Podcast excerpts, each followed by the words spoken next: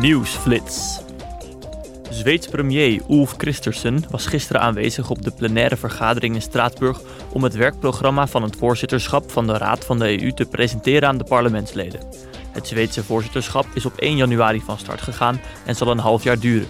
Premier Kristersson zei: Our chief priorities Onze belangrijkste prioriteiten zijn een groener, veiliger en vrijer Europa. Het zijn echter moeilijke tijden. In Europa woedt een oorlog die niet alleen heeft geleid tot talloze slachtoffers en onmenselijke vreedheden, maar ook een energiecrisis en een economische neergang met zich mee heeft gebracht. Hierdoor zullen de komende maanden heel uitdagend zijn. All this will make the coming months very challenging. De Zweedse premier voegt eraan toe dat Oekraïne de hoofdprioriteit van Europa moet zijn, omdat het daarbij gaat om de strijd voor democratie en fatsoen. Het parlement sprak ook over de reactie van de EU op de Russische raketaanval in Dnipro van afgelopen weekend en over de mogelijkheid om het regime van Poetin extra sancties op te leggen.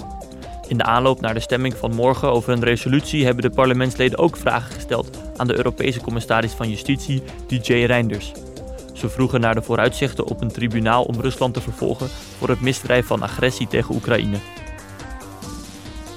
Bij de opening van de plenaire vergadering van maandag riep voorzitter van het Europees Parlement Roberto Metsola de internationale gemeenschap opnieuw op om krachtig te reageren op de terreur die het Iraanse regime heeft ontketend. Metsola zei: We need those responsible for the killings, Al wie verantwoordelijk is voor de moorden en de executies, al wie vrije mensen liever voor altijd geketend wil zien, al wie drones levert die gebruikt worden om Oekraïners te doden, al deze daders moeten ter verantwoording worden geroepen.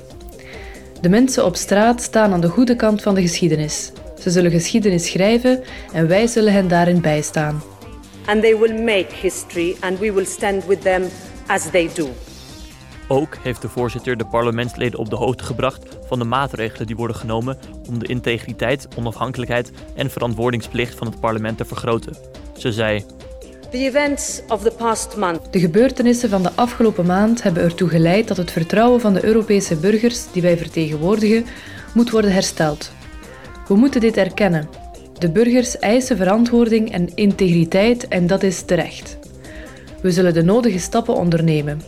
Allereerst zullen we kijken hoe we een draaideurbeleid kunnen invoeren en voor meer transparantie kunnen zorgen.